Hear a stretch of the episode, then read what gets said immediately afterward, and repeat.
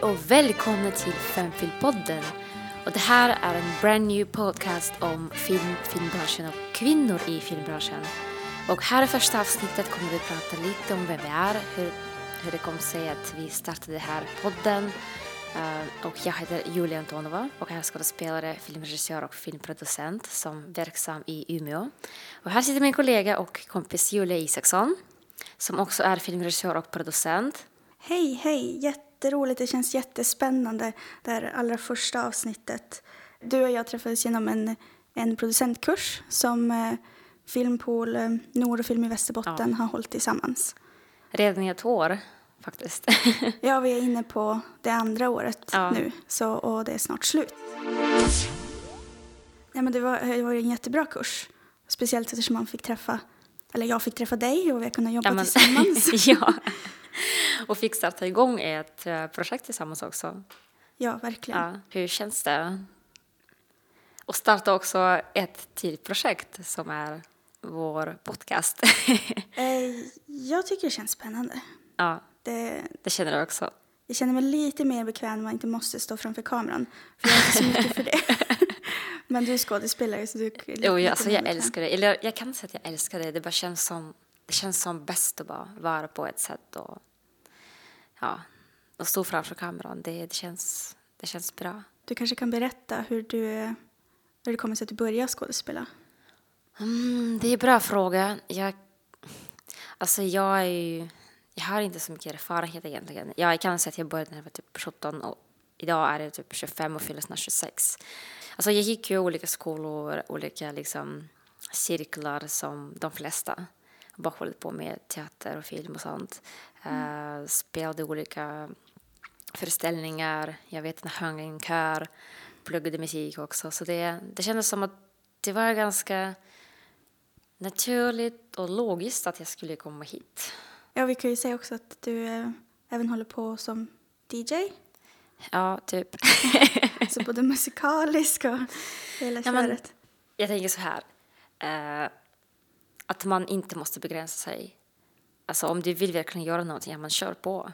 Jag bara tycker om det. Det känns superkul att bara stå och DJ och mixa musik. Det vore kul att prodda också. För jag, jag, gick, alltså jag mm. pluggade musikproduktion också, musikvetenskap, men um, ja, det går liksom lite upp och ner, upp och ner. Så just nu proddar jag inte. Så just nu är jag liksom mest inom film egentligen.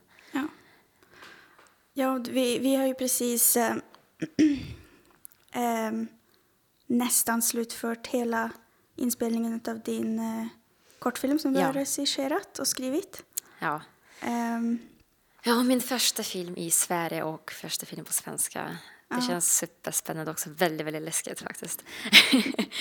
uh, ja, alltså jag ser fram emot att se den färdiga filmen. Ja, absolut. Men jag också. det är väldigt, väldigt mycket jobb framöver. Det är, ja. Ja. ja, det är ju även uh, min första film i Sverige faktiskt. Um, eftersom att jag gjorde utbildningen i mm, Australien mm, ja. så har gjort filmer där. Och så, sen, så det var som att det passade ganska bra att vi träffades. Vi får navigera den svenska filmindustrin från början. ja, verkligen. Ja. Men uh, hur känns det för dig? Så kan du jämföra uh, filmprocesser, alltså hur det fungerar i Australien, i engelsktalande land? Uh, och, um, alltså jämfört med Sverige till exempel. En sak som, um, inte själva processen, men en sak som jag faktiskt märker eftersom vi nu ändå mm har en liten inriktning i den här podden med att prata om kvinnor mm. och kvinnors eh, roll i film. Mm. Att det är faktiskt väldigt stor skillnad på hur man... Mm. Eh, jag vet inte hur jag ska formulera det på ett bra sätt, men alltså om man säger så här, när jag var på filminspelning i Australien så kände jag ofta att man kanske inte blev tagen på lika stort allvar, man blev lite ignorerad eh, och fastän jag kanske hade en roll som producent mm. eller så, så var jag ändå eh, tyckte vissa andra att jag var lägre i rang, att inte jag fick lika mycket respekt som kanske mm, någon mm. annan fick. Om jag eh, jämför eh, filminspelningsprocessen i Sverige med till exempel eh, hur det funkar i Ryssland eller Frankrike, det känns som att amen, det finns ju en jättestor skillnad egentligen. Ja. Eh, det är också väldigt mycket hierarki i Ryssland till exempel. Mm. Eh, och oftast, oftast eh, om man ser på, alltså om man tar typ någon produktion och bara ser vilka roller, alltså vem som har vilka roller, det är oftast killar. Och Mm. tjejer får bara typ ja, men assistent, tyranner, eller kanske såklart smink, Ja. eh, kostym. Men så här key-positioner som typ fotograf, eh, producent, eh, regissör, det är oftast killar och särskilt reklam. Eh, det finns jätteduktiga kvinnliga fotografer till exempel. Och de gör också väldigt mycket jobb, men ändå, alltså, om man jämför, jag vet inte procentuellt liksom, eh, fördelningen, men det känns som att, eller jag följer ganska många på Instagram, såklart följer jag inte alla filmarbetare och filmskapare som finns i Ryssland, men det känns som att men jag skulle säga kanske 30 procent, om inte mindre. Eh, det, det är typ kvinnor som jobbar. Mm, och eftersom alltså vi, går det här producentkursen, då pratar vi också väldigt mycket om kvinnliga producenter, till exempel. Eh, jag insåg att jag, eh, jag inte ens kan nämna någon kvinnlig producent från Ryssland. oj. De finns ju säkert. Ja, man Eh, vet jag, inte vem alltså, jag är är. absolut säker att det finns jättemånga producenter som jobbar typ på radio, eh, tv, men i filmbranschen, alltså typ... Nej, det kan jag inte faktiskt. Jag var på en filminspelning en gång i Australien. Mm. Det var en kortfilm. Och så um, fadden var en man eller en kille Mm. såklart. Och jag eh, var um, s- scenografi. Jag skulle Mm. sätta upp en jätte, det var en jättekomplicerad, liksom jag skulle, hade byggt en, en kåta som skulle liksom, jag hade sytt ihop och byggt med grenar och grejer. Det var massa, massa props och så. Eller rekvisita. Och um, vi var ganska långt ut på en pir. Eh, Så det var långt till toaletten. Och jag behövde... det var ingen som hade liksom tänkt på att jag kan inte kissa i en buske. Alltså... jag var, jag, Alltså, det fanns shit. ingen tid. Jag frågade flera gånger i flera timmar. Jag, sa, jag måste få gå på toa. Jag bara, ja, ja, men alltså typ så här, när kan jag gå på toa? Ja, snart, snart, snart. Men det kom aldrig någon tid när jag fick gå fuck. på toaletten. Ehm, Det är ju inte kul. Alltså, Nej. Nej, ett sånt Nej. där exempel. Alltså är man... Men det är kanske bara ett... Jag menar, man kanske inte tänker på det eh, som man. Nej, och alltså, såklart vi pratar om jämställdhet och sånt, men Mm. okej, våra kroppar fungerar på lite olika sätt. Ja, Eh, och det måste liksom... måste Ja. man vara medveten om. Ja. ja. Nej men, ja, sjukt. Men nu faktiskt, jag kom på att jag känner till eh, ett par kvinnliga producenter, faktiskt. Ja. Ehm, ja, det finns en eh, kvinnlig regissör som är ganska känd. Uh, hon är från Armenien, mm. men jobbar i Ryssland. Jag vet faktiskt inte om hon är född i Armenien eller Ryssland, men hur som helst. Och hon brukar ha ganska många kvinnor i sitt team. Men det är också, tycker jag, eftersom hon är kvinna. Så Ja. hon liksom, ja, det fungerar på helt annat sätt. Det är också något som vi har försökt ändå tänka på när vi spelade in filmen som vi håller på med nu. Mm. Att försöka anställa kvinnor. Försöka ha lite, att det i alla fall ska vara 50-50. Ja, men också alltså, när jag tänker på eh, vem som jag vill jobba med. Jag vill inte att det ska vara så att, ja, men, alltså, att jag ska tänka så här, ja, men jag måste ha typ fler kvinnor.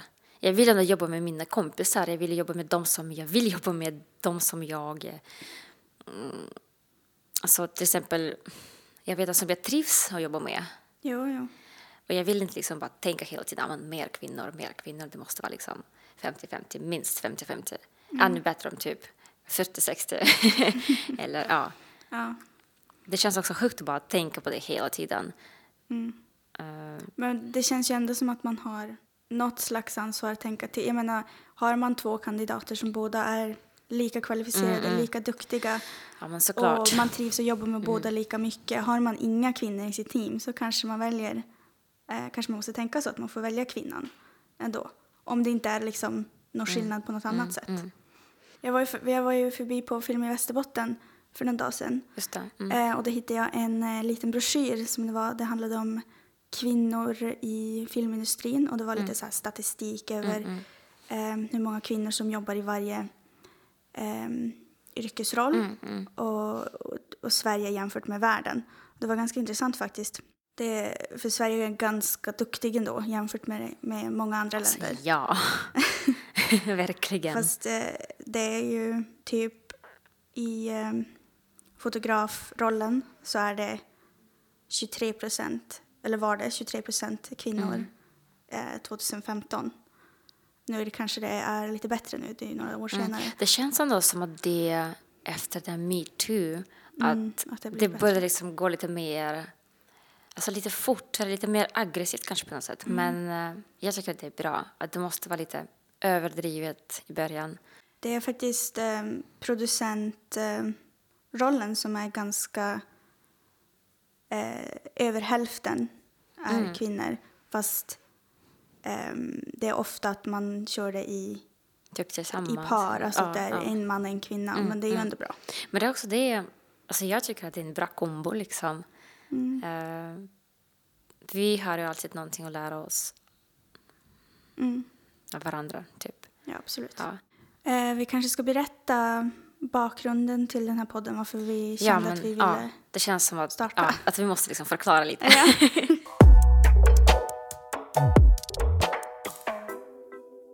Ja, men alltså idén om att starta den här podden kom ju som en slags reaktion på stämningen i branschen. Alltså jag har inte jobbat här så, så länge, alltså i Sverige, men typ rent generellt.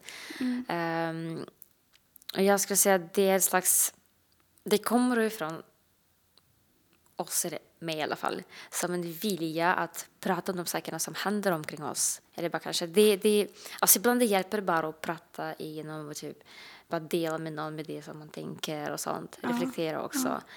Ehm, och vi har också ganska unga filmer i början av vår karriär, så det känns som att ju mer vi lär oss, ju mer vi liksom går in i branschen, desto mer vi ser, märker, desto mer vi liksom vill prata om egentligen.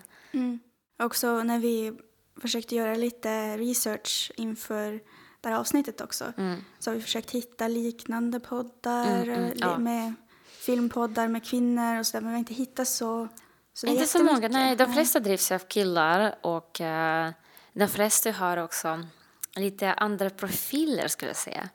Alltså det är mest filmkritiker som pratar om olika filmer. Ja. men jag brukar gå på bion en gång i veckan och se typ film och sen så pratar de om filmer som de sett men det är oftast typ Mission Impossible. Sådana här väldigt stora produktioner också med manliga berättelser i centrum. Eh, ja. Och sen så fick jag, alltså jag, jag hittade en podd som heter Girls on a Film som drivs av Anna Smith. Det är en brittisk eh, journalist, filmkritiker. Um, alltså hon skriver en massa på jättestora liksom, redaktioner. The Guardian, um, Time Out, väldigt, väldigt mycket. Och hon har jobbat i, inom det här redan i 17-20 år, alltså ungefär 20 år. Ja. Så hon har verkligen väldigt mycket att berätta. Och hon bjuder in också kvinnliga, uh, alltså inte bara filmskapare utan bara kvinnor som jobbar i, eh, Inom branschen. har någon relation sätt. till ja, filmbranschen. Ja. Precis. Och det är väldigt intressant hur de bygger upp konversationer, vad de pratar om. Det är väldigt, mm, de håller också ganska kort format, 30 minuter ish. Och de hinner att prata om så mycket de här 30 minuterna. Ja, Det är väldigt liksom effektivt. jo, väldigt effektivt. Ganska högt tempo faktiskt. Ja, ja, verkligen. För mig det var väldigt inspirerande. Eh, för det är ett jättebra exempel på hur en kvinna kan vara. Liksom, att kvinnor kan också göra väldigt bra saker, egentligen. Ja, men det är väl... Är, Och det här inte är typ ett undantag, utan det är liksom... Nej, precis. Så är det. det. Det är så man vill ha det. Ja. Det ska inte vara liksom, kolla på den där, det vill att det, som kan allt det här, fast hon är kvinna. Utan man vill att det ska vara självklart. Det är klart att Mm, Ja. både män och kvinnor kan göra samma sak och prata om samma saker utan problem. Liksom. Ja. Det kändes som att någonting sånt eh, skulle dyka upp här i... eh, alltså på svenska. För de flesta av poddar som finns också, de är på på engelska. engelska, Ja, såklart. Vi ska också försöka ha i alla fall varannat avsnitt. Att vi ska försöka intervjua en kvinna eh, eller någon som inte identifierar sig som en kvinna i filmbranschen. Att prata med dem, höra vad de, hur de känner, vad de har upplevt, kanske prata lite om deras filmer. Och, der, och Eh, deras erfarenheter också. Deras erfarenheter, Ja. ja. Och för att uppmärksamma kvinnor i branschen. som- Ja. Kvinnor som man kanske inte vet finns. Ja. Eh, som man kanske vill lära sig lite mer om och sådär. Ja, och kanske också inspirera några andra och bara bli en filmarbetare, filmskapare. Det hoppas jag. Och hitta sin plats här världen. Något mer som du vill prata om kanske? Första avsnittet blir um, oss pratande väldigt trötta för att vi har varit uppe. Ja, alltså vi hade ju en fest igår. Det var en branschdag eh, ja, på Umeå europeiska filmfestival. Eh, Det var jättekul, men det hörs ju väl att vi, är lite vi är trötta. lite trötta. Men det är Ehm. jättebra att det finns sådana dagar som ja, branschdagen. verkligen. väldigt intressant, eh, väldigt intressanta människor fick vi lyssna på Ja. och höra om deras processer och hur de jobbar och liksom hur de tänker. Eh, och det är inspirerande och Ja, ja. kul. också väldigt blandad publik. Det var Ja. också elever från medie och kommunikation, eller vad pluggade de för någonstans? Eh, Det var någon med grafik, visst? Ani- Ja, så det, det var animation. massa olika elever, så det är egentligen, man får träffa inte bara eh, erfarna, Nej. proffsiga människor, utan man kan också träffa de som är i början av sin karriär, de Mm. som vill komma in på något sätt Ja, det i är en, det är en filmbranschen. salig blandning av Ja. erfarenheter och så. Vissa har precis börjat, vissa är skådespelare, vissa vill jobba eh, som i, i team och vissa, Ja, ja. alltså jätteolika. Ja, verkligen. Och det som är jättebra tycker jag att folk får träffas på ett möte, vad heter det, film, filmare möter filmare? Eller? Ja, det var som ett mingel. Ja. eh, Och att alla får prata med varandra och det liksom finns inga gränser. Eh, Sånt skulle ju aldrig finnas i Ryssland tycker jag, för det finns liksom, det finns en gräns som en får inte Ja. gå över typ. ja, precis. Att man, man har tillgång till att prata med folk som redan har liksom... åstadkommit någonting eller som ja, etablera etablerat. sig Nej, det, i det får man. branschen. Alltså man typ får, men det finns inget garanterat. Det är svårt. Ja, Ja. Inte lika svårt. tillgängligt kanske. nej, nej, absolut inte. Eh, ja. Ja. Jag vet inte om vi vill prata lite grann om eh, film i, i Norrbotten eller film i, i norr. Mm, Alltså jag har ju bott här uppe i Umeå redan i två år, men alltså redan i två år, men det kan kanske låta, eh, ja. Ja. Eh, För, för en ut, utbytesstudent, det kan ju vara ganska mycket. För någon som är född och uppvuxen här, det är liksom två år, kom igen. Eh, Nej, alltså jag känner mig absolut inte etablerad eller typ, alltså som sagt, jag är i början av min karriär eh, och jag inte ens känner eh, 50 procent av alla filmarbetare och filmskapare som bor och är verksamma här i Umeå.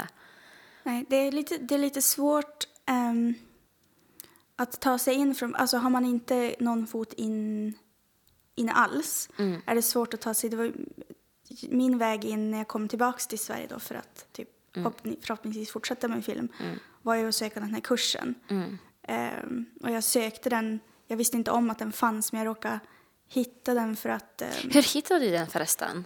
jag, le jag letade efter, ehm, för jag jobbar inom vården och jag försökte hitta ett annat jobb för jag tänkte så här, jag vill hitta ett fast jobb för jag behövde ett, ett fast jobb. Eh, och eh, började leta och hittade ingenting som jag tänkte så här var roligare. Och så började jag leta filmjobb och tänkte kanske finns någonting relaterat så hamnade jag på Filmpool Nords sida. Och där fanns kursen så då ansökte jag Okej. mm. om det. Ja. Ja, alltså jag... Förra året var ganska intensivt för mig.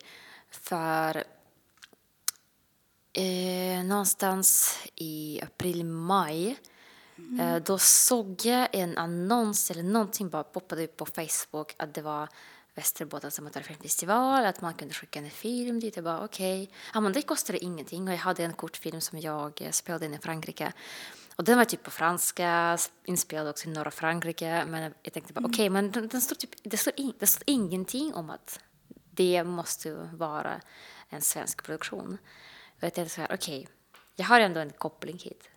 Eh, jag bor i Västerbotten och då skickade jag filmen. Och då var det en festival. Eh, och då vann jag. Ja, alltså, det jag var, jätte- det var en sån ah, jättestor överraskelse faktiskt. Jätteroligt. Eh, ja, och där började det ju hända grejer liksom. Och sen var det sommaren såklart och det var ganska Mm. tyst och jag typ jobbade, eh, sökte ett nytt uppehållstillstånd.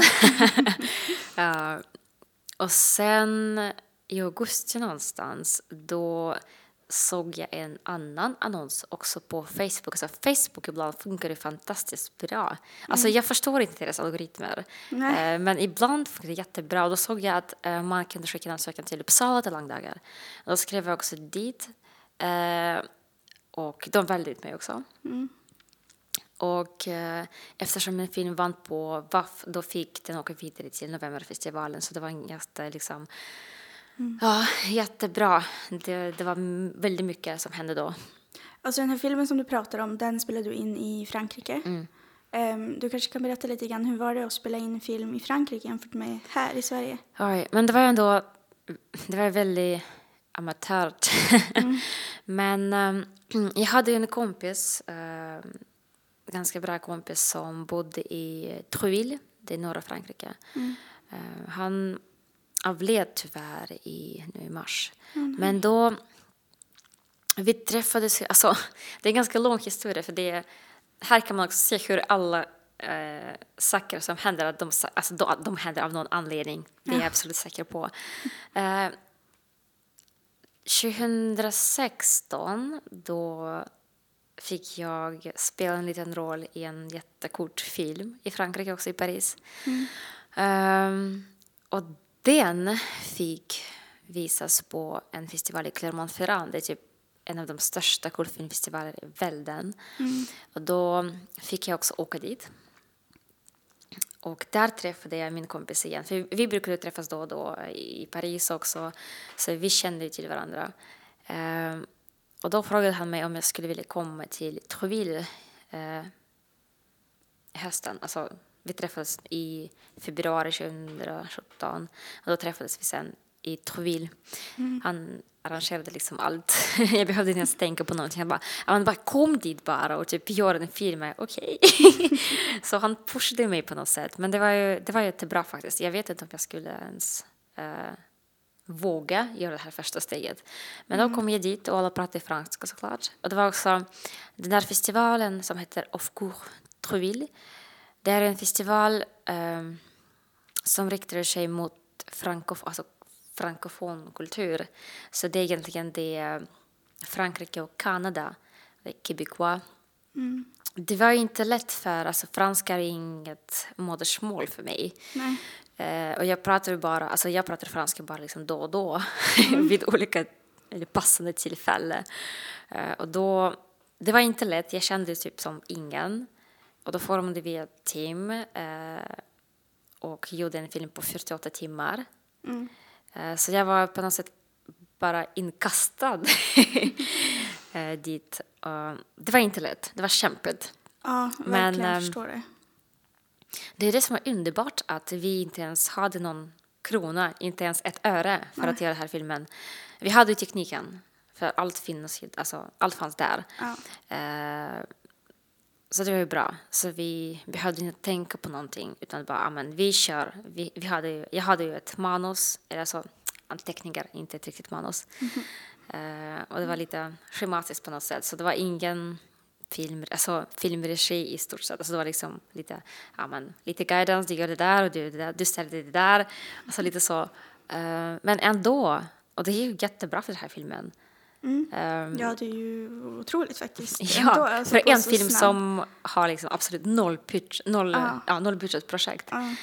Eh, och den kommer även visas på Kortfilmdagen 20, 21 december Ja, på i- Folkets bio. I Umeå, eller? Eh, som jag förstått det i sju olika distrikter runt hela landet. Jaha, vad Ja. roligt. Det är, Vift Sverige arrangerar ju en sån här grej.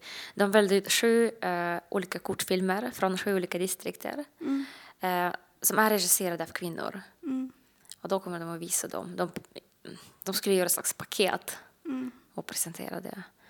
Så det känns ju otroligt fint. Jättespännande, så det kommer jag ju rekommendera att man får gå och se på. Och, ja, också filmerna brukar visas ju helt gratis, så det är fri inträde.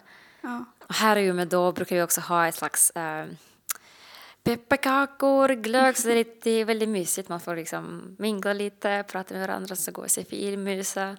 Ja, och det kommer också, alltså 21 december det är ju lördag, så Ja. ja. det är bra det är helg.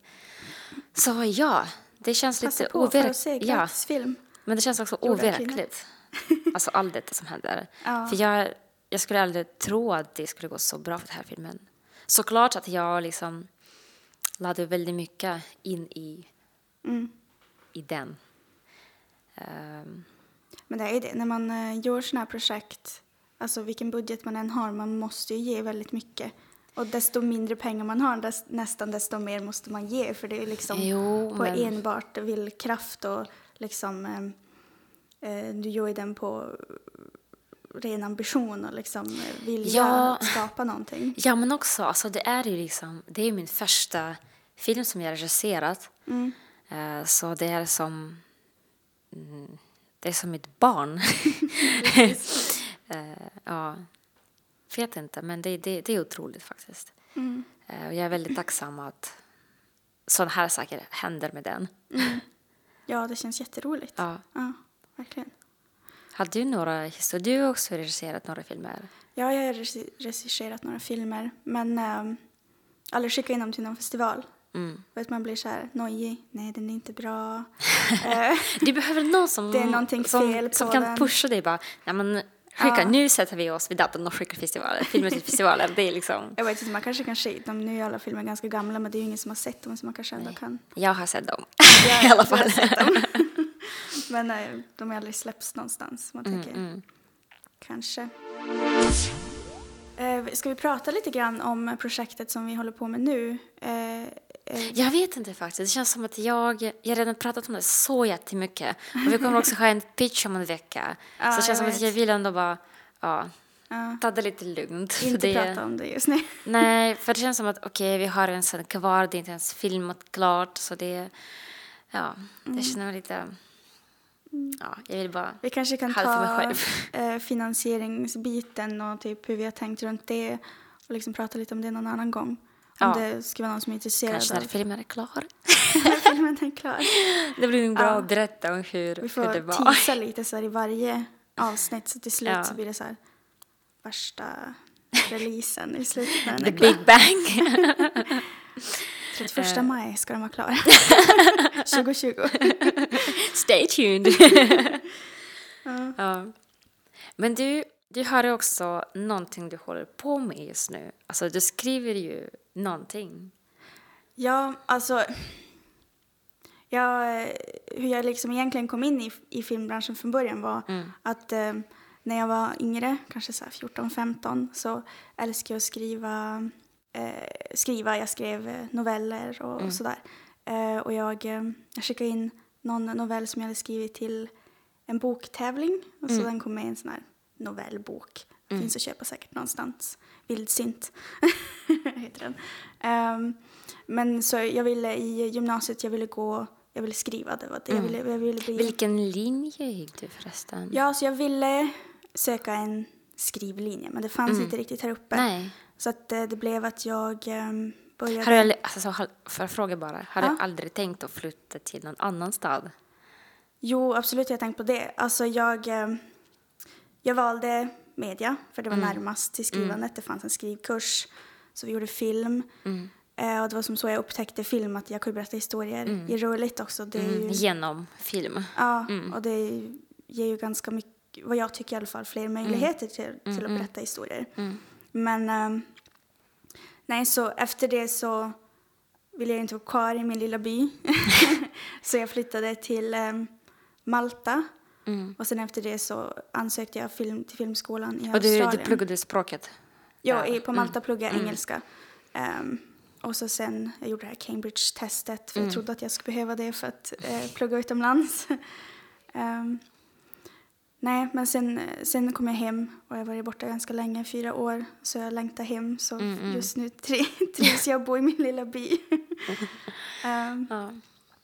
Nej, men det jag skriver nu, jag vill gärna skriva en historia som är väldigt influerad av Norrbotten och naturen som jag är uppvux, uppvuxen i. För jag tror att är man uppvuxen i Norrbotten, speciellt eh, jag bor i Älvsbyn, det är väldigt, eh, finns inte så mycket annat än natur där.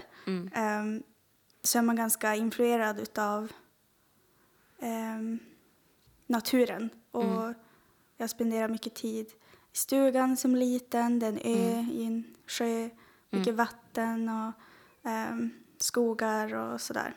Och du sa det också att varje gång du sätter dig, eller innan, innan du ens börjat regissera, skriva, du tänker på vattnet. Alltså att det, Ja. det måste finnas vatten i dina filmer.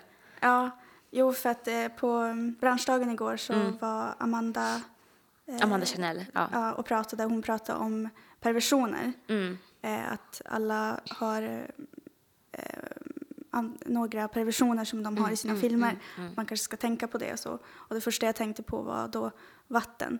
För att jag alltid som strävat efter att ha vatten i mina filmer. Mm. Eh, och jag tror det också för att jag har vuxit upp runt sjöar och Mm, mm. bäckar och älvar och vatten och badade mycket när jag var liten och så. Mm. Så att jag vet inte, det är lugnande och väldigt... Ja, naturen är ju lugnande. Ja, det håller jag absolut med. ja.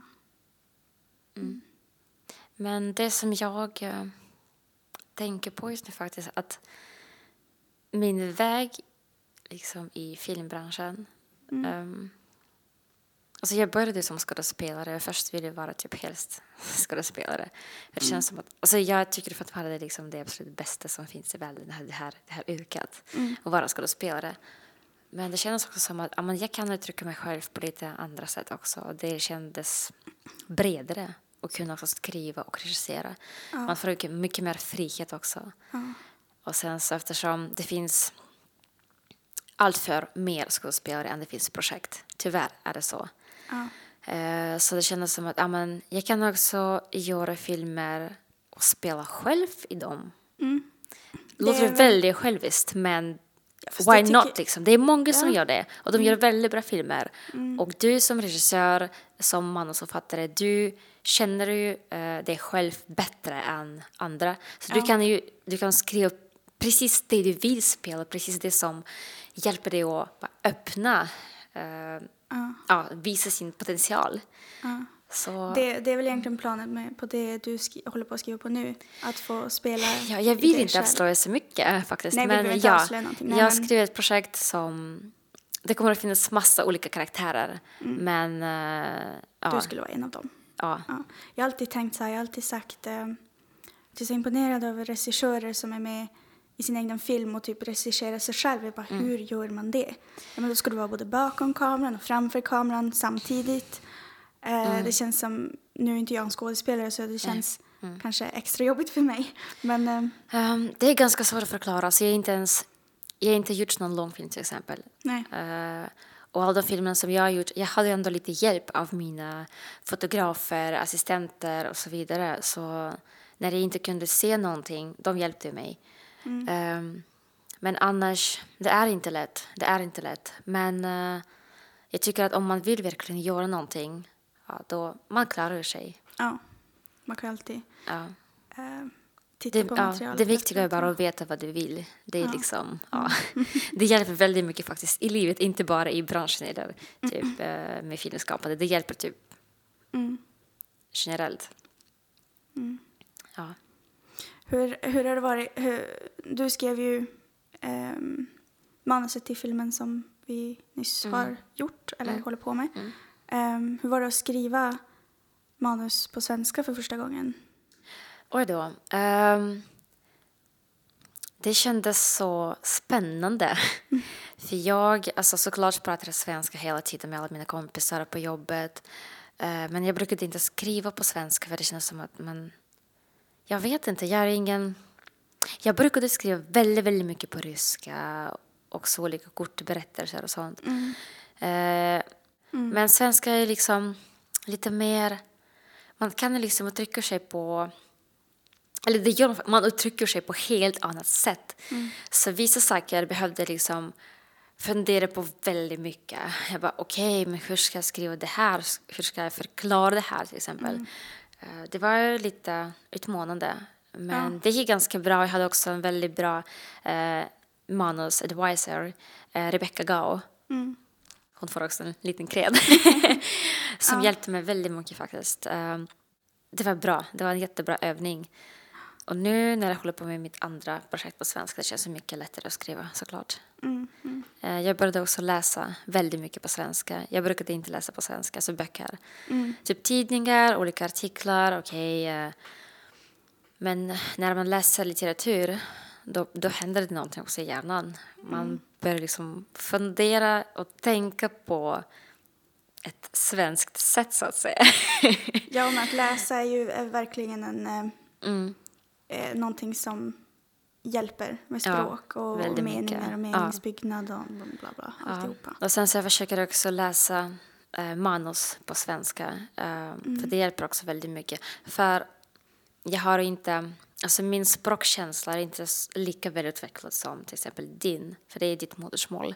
Så vissa saker kan jag inte känna på samma sätt. Eller okej, ibland kan jag typ känna att det här låter inte bra.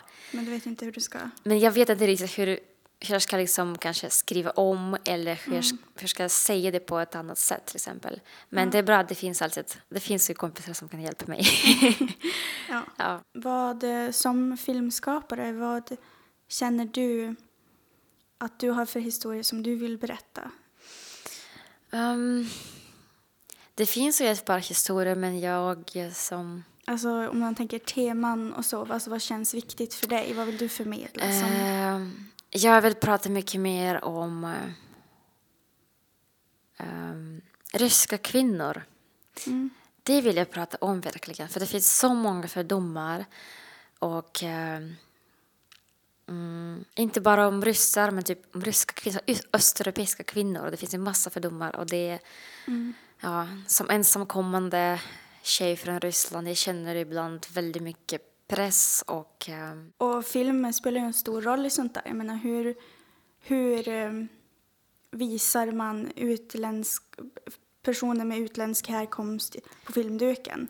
Ja. Alltså film kan influera människor i samhället och hur de ser folk på ett väldigt eh, stort sätt ändå. Ja, men grejen också är att jag, eh, jag har inget särskilt speciellt utseende. Jag ser ju typ som de, de, de flesta här i det här landet. Men Ja. typ, eh, och det är många som får en slags bugg oftast. De bara, men eh, är det, alltså, varifrån kommer du egentligen? Vissa gissar att jag kommer från Norge. Jaså? Eller typ Island. Eller ja, jag vet inte. Frankrike ibland också. eh, När de, när de hör mig prata franska. Eh, Jag vet inte, men ja. Ryska kvinnor. Starka ryska kvinnor. Och sen så kanske just det här teman med migration och sånt. Och jag är absolut säker att det finns många människor som kan relatera sig till de här ämnen faktiskt. Ja, det För det är många säkert. som sitter och väntar på beslut som inte vet vad de ska göra. Och det är också, det är väldigt, Det är väldigt, ett väldigt komplicerat eh, system som kanske inte Ja. är väl, inte nej. roligast att gå Men igenom. hur kan man annars förstå hur de här människorna mår? Liksom? Och de mår inte bra. Nej. Och ja, jag det- mår inte bra heller. Nej. Så, ja. Det är väl viktigt att ta upp eftersom att ehm, har, man inte varit i kontakt med sånt så går man inte runt och tänker på det och man vet väl inte det är inte någonting, det det, är är. inte, det är inte någonting man måste ens tänka på. Nej. För, ja, det, är ju, det är ju min verklighet, men det är, inte liksom, det är inte din verklighet till exempel. Nej. Så du måste absolut inte tänka på det. Men eh, eftersom det är så många som flyttar hit, Mm.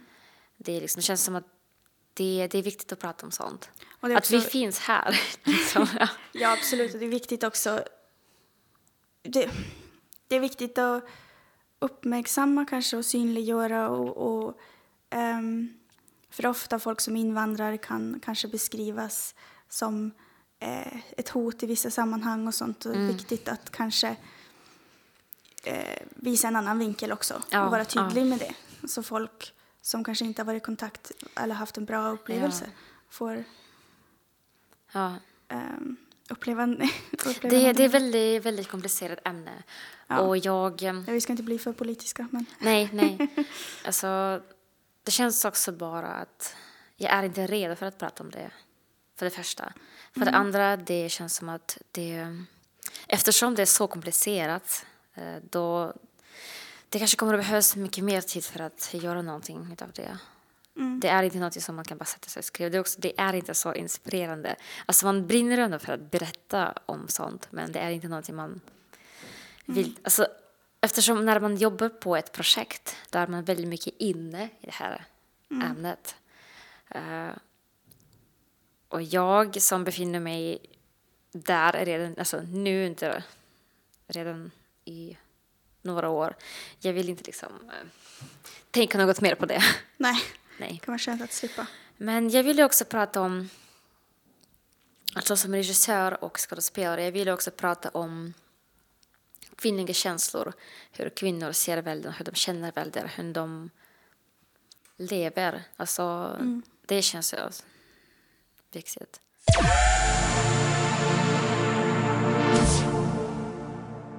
Ofta kvinnor i film kanske inte beskrivs på ett, på ett, eh, ett sätt som kanske är det bästa för typ en liten En liten flicka tjej. Nej. att inspireras av. Alltså det är ofta, man, kvinnor blir ofta sexualiserade i filmer.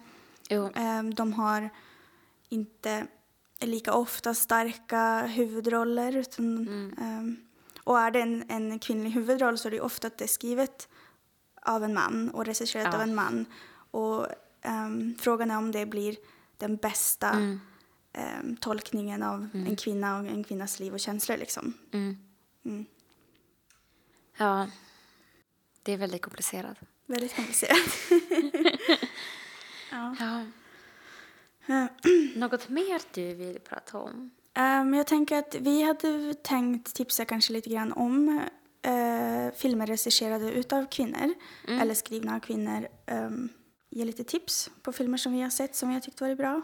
Jag har ju ganska många tips. eh, men det som känns mest aktuellt för mig just nu det är till exempel Frances Ha. Det är en film som är skriven av Greta Gerwig eh, tillsammans med Noah Baumbach. Baumbach. Ehm, den är inte regisserad av en kvinna men skriven av en kvinna tillsammans med en man. Och också huvudrollen spelas av Greta Gerwig och hon är helt fantastisk där. Och det är ju en film om en tjej som har många drömmar om vad hon ska bli när hon är stor. Alltså, jag tror att alla kan relatera sig till det. Har du några andra tips? Ja, alltså... Jag eh, har eh, hittat några filmer som jag tänkte på när jag tänkte på kvinnliga regissörer. Det är ofta, de har också väldigt eh, kvinnliga teman, om man får säga så. Ehm, eh, en heter eh, Water, som är, gjordes 2005 och regisserad av, nu kan jag inte uttala en- hennes namn säkert på rätt sätt, men Deepa Mehta. Mm. Ja. Hon är eh, indisk, en indisk kvinna.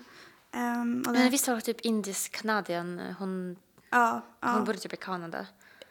ja, hon eller? bor i Kanada. Ja. Ehm, jag tror det, om inte jag kommer ihåg fel så var det väldigt svårt för henne att spela in de här filmerna. Water. Again, här är vi igen. Water. Och det handlar ju om, en, eh, det handlar om eh, kvinnor i Indien. Mm. Och eh, en liten, den börjar med en liten tjej som eh, hon har blivit bortgift. Hon är väldigt, väldigt liten, kanske nio typ.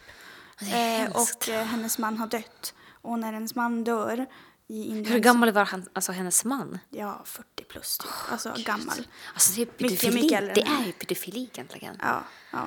Men han hade dött hemskt. i alla fall så då hennes val är antingen gifta sig med hennes mans bror eller ehm, hon får fara och bo med nunnor i ett kloster och liksom leva ett liv av förnekelse. Liksom. Ehm, hon ska liksom bo, men hon, hon far där så får man se henne sen när hon är liksom vuxen. Hon bor på det här klostret med de här ehm, kvinnorna. Ehm, Ja, men det är en väldigt, väldigt intressant film, väldigt vacker film. Men också väldigt sorglig som det låter faktiskt. Ja, absolut. Det, det handlar om ganska... ehm, om ämnen som är väldigt uh, sorgliga. Och tänk på hur många människor bor i Indien till exempel. Hur många tjejer gifter sig bort typ varje dag. Ja, Ja, helt sjukt. ja. Ehm, men det kan ju bra, en bra film att se också ur Mm. ett kulturellt perspektiv. För man kanske inte har så stor koll på Nej, Indien och deras kultur. Det hade inte jag i alla fall. Det är många som reser dit typ. eh, Mm. För det är intressant, exotiskt. Men tänk på, nej, alltså är typ, det är Mm. väldigt, väldigt jobbigt. Det är en kärlekshistoria också. Så att den är, Ja men Ja. typiskt. Dansar de också där? Alltså det, det är kanske en jättedum Nej, de fråga. Inte det. Men De dansar inte. Det är inte en, det är inte en Bollywood- Nej. egentligen, nej. Nej, för när man tänker på indiska filmer så är det kanske det man tänker Ja, på först. det väcker väldigt många stereotyper. Ja, de måste Ja. dansa. Men det är också intressant, just att de indiska, typiska bollywoodiska filmer, att de uttrycker sig väldigt mycket genom dans. Mm. Det är typ, det är många som tycker att det är väldigt roligt, men jag tycker att det är intressant. Det är liksom, det är någonting väldigt specifik, specifiskt i just det här Ja, uttryckssättet. ja, verkligen.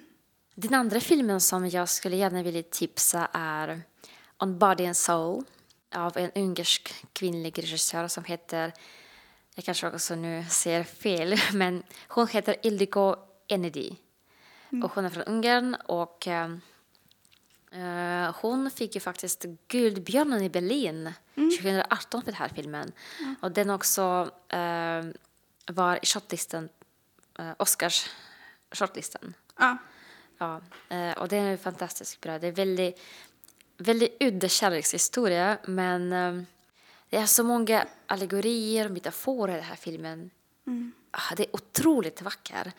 Och eh, också väldigt, väldigt poetisk film. Och jag, jag såg den på ungerska med engelsk undertext. ja, Det är också väldigt eh, intressant känsla när man ser en film på originellt språk. Mm. Det, är- ja, det är liksom som någonting magiskt händer då, tycker jag. För det är Ja. egentligen en ganska vanlig, okej lite udda kärlekshistoria, men ändå.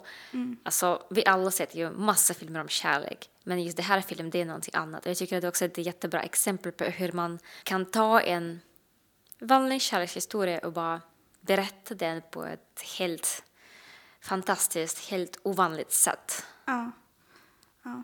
Och vi är så vana också att se filmer på eng- det engelska språket. Det är mindre sällan. Jag tror att man ser filmer i andra original- originalspråk.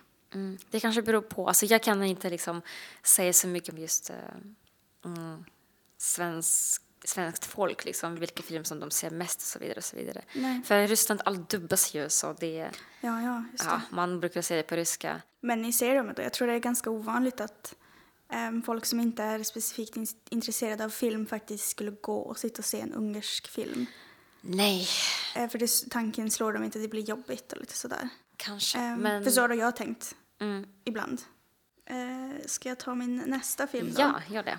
Eh, nästa film som jag vill tipsa om, den heter, på svenska heter den Den gröna cykeln, men den heter Vadja, om jag uttalar namnet rätt. Den gjordes 2012 och det är faktiskt den förs- eh, Saudiarabiens första film som har spelats in i Saudiarabien av en kvinna, eh, vilket jag tyckte var väldigt intressant.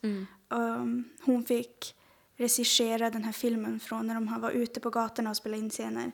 Så fick hon re- regissera från en bil.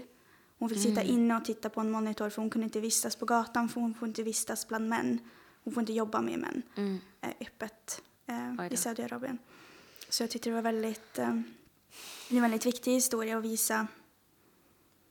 Ja, Det är också väldigt modigt. Ja, verkligen väldigt modigt. Ehm, och filmen handlar ju om en, en eh, flicka eh, som är väldigt, eh, hon är väldigt trotsig. Hon trotsar normen eller reglerna som finns runt tjejer och kvinnor.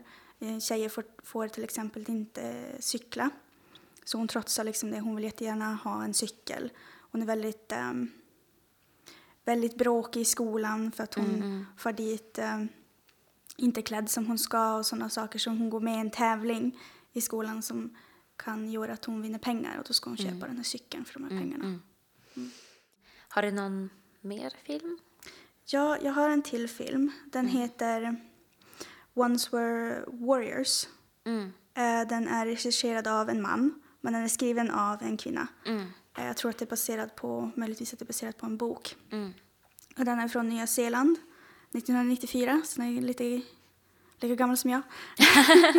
Ja, just det. Ehm, ja. Nej, men jag tyckte att det var intressant när jag såg filmen för det handlar, i Nya Zeeland har de en väldigt stark eh, kultur när det handlar om warriors och de har ritualer och danser och sådär. Men det är egentligen bara männen som får vara med i det. Och sen ehm, de går in, ehm, de får gå i den här byn för de går i en skola, de får lära sig, männen eller pojkarna får lära sig det här för att hålla kulturen vid liv. Och så är det en en tjej som då typ ifrågasätter varför inte hon också får. Hon vill också lära sig. Hon är jätteduktig. Och ska hon få ärva, eh, ta över efter sin pappa, hennes klan och liksom så, att det ska vara lika självklart för henne att hon ska få göra samma som männen. Ja, det låter som att det är ett bra urval av filmer. Jag Ja. vet inte, jag kan inte bedöma för det är liksom, vi delar med oss av de filmer som vi tyckte om var intressanta och sånt. Det är såklart det är, Och så får man titta och så får man... ja, bestämma själv. Bestämma själv, ja, ja. Eller Google först och bara. Ja. Men jag tänkte bara prata lite kort om en till film som är ganska gammal. Det är en sovjetisk film, eh, Chronicle of Flaming Years av Julia Solntseva. Och den vann eh, Prix de la mise en scène, Best Director Award i Cannes eh, år 1961. Och det var första eh, kvinnan som vann ett så här pris Ja. eh, någonsin. Och eh, jag tycker att det är väldigt intressant att ehm, alla pratar om Sofia Coppola och hon är väldigt bra och väldigt duktig. Men det känns också väldigt konstigt att man liksom glömde helt bort om att det fanns ju en annan kvinna som var faktiskt först. Precis. Ja. Ja. Folk vet kanske inte om det. Nej, men eh, filmen handlar om an- andra världskriget eh, och det är män som står i centrum av berättelsen. Men eh, jag tycker att det är väldigt intressant att det är en sovjetisk film och eh, alltså när man pratar om Sovjet man tänker ju först kanske på Andrei Tarkovsky. Eh, Jag vet inte om man ens känner till någon annan. Alltså, Ja, jag Nej. tror inte det. det finns inte typ då jag alltid, i alla fall. Nej, Det, det är bara Andrei Tarkovsky och han är ju jättebra. Jag har absolut inget emot, jag älskar Tarkovsky. Mm. Men det känns som att ja, men, det finns mer. det finns mycket, mycket mer. Det finns fler. Det finns fler regissörer som gjorde jättebra filmer som fick Och den heter Chronicles of Flaming, Flaming- Years. Chronicles of Flaming Ja. Years. Ja. Kul.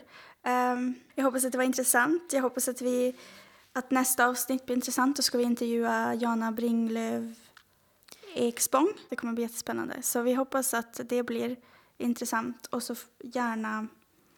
Vi vill gärna veta vad som skulle vara mest intressant så pratar vi gärna om det. Om ni vill veta Ja. om mer filmer eller om ni vill prata mer om någonting speciellt.